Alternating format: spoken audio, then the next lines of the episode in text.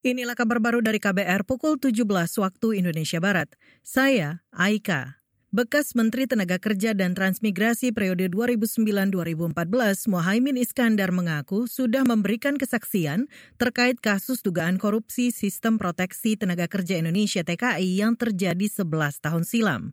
Itu disampaikan Mohaimin usai diperiksa sebagai saksi oleh penyidik Komisi Pemberantasan Korupsi KPK hari ini. Saya sudah membantu menjelaskan semua yang saya tahu, semua yang saya pernah uh, dengar, dan insya Allah semuanya yang saya ingat, yang saya tahu semuanya sudah saya jelaskan. Moga-moga dengan penjelasan ini KPK semakin lancar dan cepat tuntas mengatasi seluruh kasus-kasus korupsi. Sebelumnya, KPK mengagendakan pemeriksaan terhadap bekas Menaker Trans Mohaimin Iskandar selasa lalu.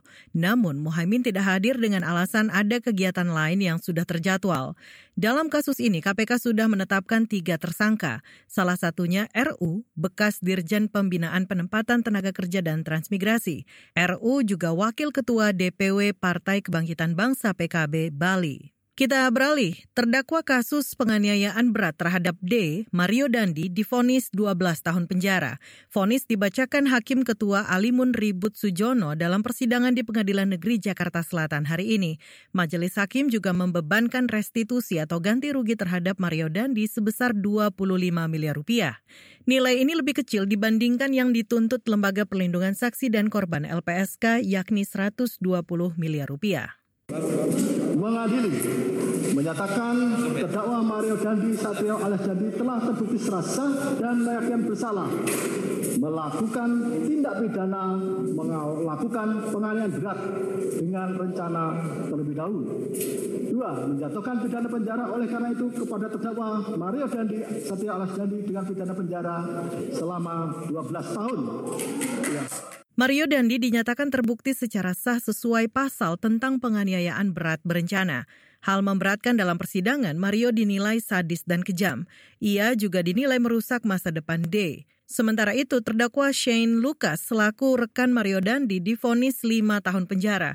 Shane tidak dibebankan restitusi karena bukan pelaku utama. Kuasa hukum Shane Lucas, Happy Sihombing, menolak vonis tersebut dan akan mengajukan banding.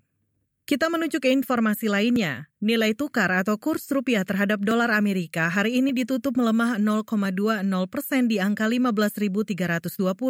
Faktornya antara lain karena terjadinya penurunan cadangan devisa Indonesia dan kontraksi ekspor impor di Cina. Posisi ini melanjutkan tren pelemahan rupiah sejak 1 September 2023 dan terlemah sejak 21 Agustus 2023. Sementara itu indeks harga saham gabungan IHSG hari ini ditutup melemah 0,59 persen ke level 6.954. Inilah kabar baru dari KBR pukul 17 waktu Indonesia Barat. Saya Aika.